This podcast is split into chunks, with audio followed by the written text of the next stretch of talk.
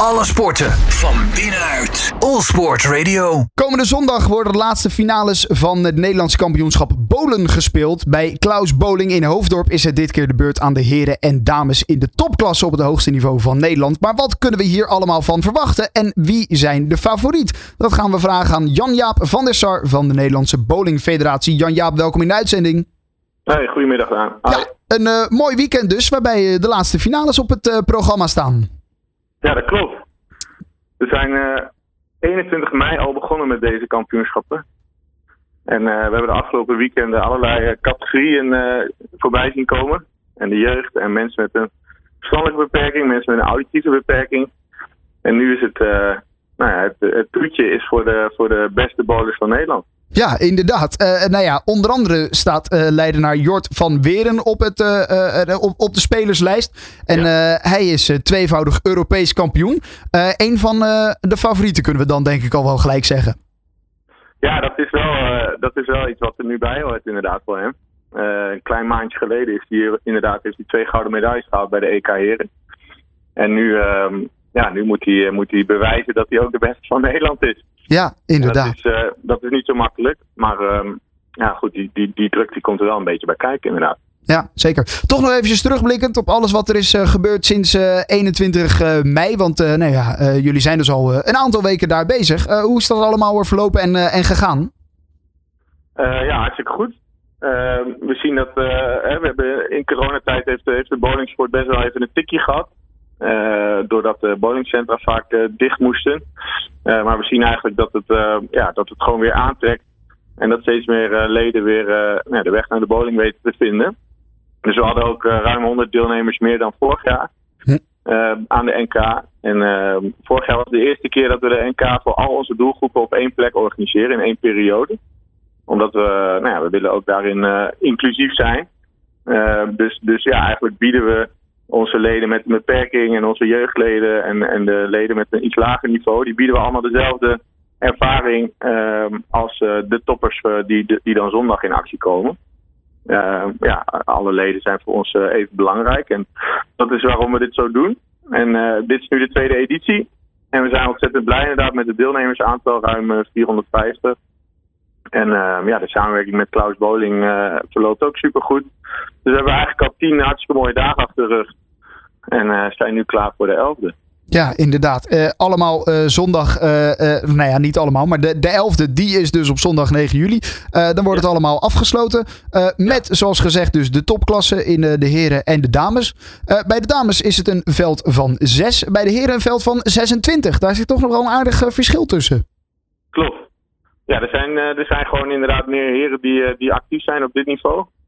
En om dan te kijken van, nou, we hebben, volgens mij uit mijn hoofd zijn er, eh, zijn er iets van 16, 16 dames die in de topklasse hebben meegaan eh, bij de NK.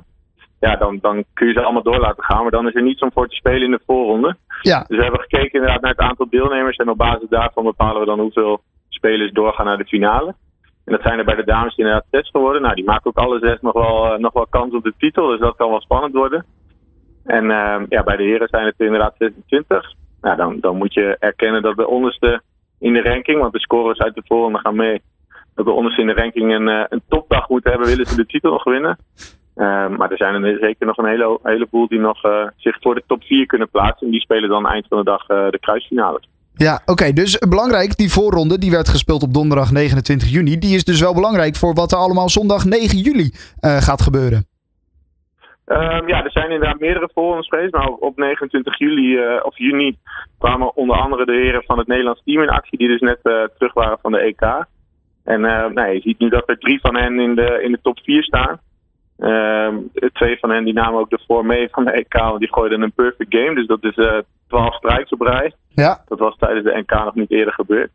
En ehm, ja, Jort van Weren, waar we het net over hadden, die staat op dit moment achtste. Maar goed, die heeft een achterstand van iets van eh 50, eh 50, 60 pins. Ehm, ze spelen nu nog zes games zondag voordat eh, de finalisten bekend zijn.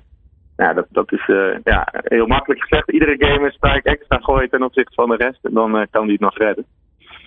Ehm, maar zo, eh, ja, zo, zo, ja, het belooft wel eh, vuurwerk te worden zondag wat dat betreft. Jazeker. Uh, je zei al, uh, Jort van Weren, die staat dus inderdaad achtste.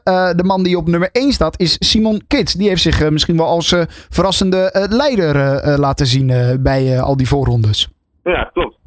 Ja, Simon is zeker een, een bekende wel. En hij heeft ook absoluut al vaak mooie scores neergezet. Maar dat hij zo hoog gooide en dus ook de, de heren van het Nederlands team op dit moment nog voorblijft. Dat was toch wel, mag wel een verrassing genoemd worden. Er werd ook echt hoog gescoord. Dus uh, ja, we zijn eigenlijk super benieuwd hoe hij het zondag uh, kan doen. Of hij dat niet, hoog niveau kan volhouden. Uh, ja, en of hij zich kan plaatsen voor de, voor de finale. Dat, is wel, dat zou wel bijzonder zijn. Ja. Is wel een beetje met bowlen is het wel inderdaad. Hè, dat als je de vorm van de dag hebt, dan, dan kun je inderdaad wel makkelijker stunten dan bijvoorbeeld nou ja, bij, bij atletiek. Dan wisten we altijd wel dat Usain Bolt uiteindelijk ging winnen. bowlen zou je misschien toch iets meer kunnen vergelijken met wielrennen. Dat ja, Pogacar en Vingegaard, hè, dat zijn de favorieten. Maar er kan altijd nog eentje een goede dag hebben en er net even tussendoor glippen. Um, ja, dat maakt Bolen ook wel heel interessant. Dat, dat, dat, uh, dat er een groot uh, deel van het veld heeft kans om de titel te pakken. Dus um, ja, ik, ja, wat ik al zei, ik verwacht wel echt een mooie strijd zondag. Tussen een hoop uh, heren en dames die, die ervoor gaan. Ja, en als je je bij de top 4 weet te melden, dan uh, ga je inderdaad meedoen aan die kruisfinales. Nou ja, en uh, de bekende sportgezegde, dan is nog alles mogelijk. Dus uh, ja, daar moet je in ieder geval bij zitten. Als we ons eventjes gaan focussen op de vrouw, wat kan je ons daarover vertellen? Um, ja, wat ik zeg, het zijn er zes. Ja. Zes dames die ook allemaal bekend zijn binnen het Nederlands team. elkaar ook super goed kennen. mooi om te zien is dat Denise Blankenzee uh, aanwezig is. Uh, dat is een uh, international die doorgaans in Amerika verblijft, waar ze haar studie met bolen combineert. maar ze is nu ja, in de zomerperiode had ze tijd om naar Nederland te komen en dus ook mee te doen aan de NK. Dus dat is heel leuk. ja, en op dit moment aan de leiding gaat Nicole Sanders, al meervoudig Nederlands kampioen. Um, ja, echt wel de topfavoriet op dit moment. maar het is de vraag of ze dat weer waar kan maken zondag. Ja, vorig jaar had ze een bronzen medaille. Dus die voelt misschien ook wel een soort revanche, de, deze editie. Ja, dat denk ik wel. Ja. En wat ook wel mooi is, um, de, de winnaars van de NK die plaatsen zich automatisch voor de EK voor landskampioenen in oktober. Ja. Uh, Nicole heeft daar ook al een aantal keer meegegaan en heeft al zilver en brons gehaald uh, in het verleden. En ik weet uh, dat voor haar nog echt een doel is om daar ook een keer goud te pakken. maar ja, dan moet ze wel eerst inderdaad zondag nog die Nederlandse titel winnen. Uh, maar goed, ze heeft vijf, uh, vijf uitdagers die het haar uh, ja, moeilijk gaan maken, denk ik. Zeker. Uh, en dat allemaal dus aanstaande zondag op 9 juli in uh, Klaus Bowling in Hoofddorp. Daar worden, worden de uh, laatste finales gespeeld. En kan je dus de, de dames en de heren in actie zien. Laten we hopen op een, een mooie sportdag en op nou ja, een mooie kampioenen. Maar goed, iedereen die kampioen is, die heeft dat natuurlijk hartstikke verdiend. Dat um, zeker, ah, ja. Daarom. Die zal aanstaan in, in de bowling. Dus iedereen is welkom als ze wat verkoeling zoeken om, om gezellig langs te komen. Ja. Kijk, dat is uh, goed om te zeggen. Het zal inderdaad uh, lekker weer worden dit weekend. Maar uh, in de airco zitten is dan, en, en naar bowling kijken is dan natuurlijk uiteraard hartstikke fijn.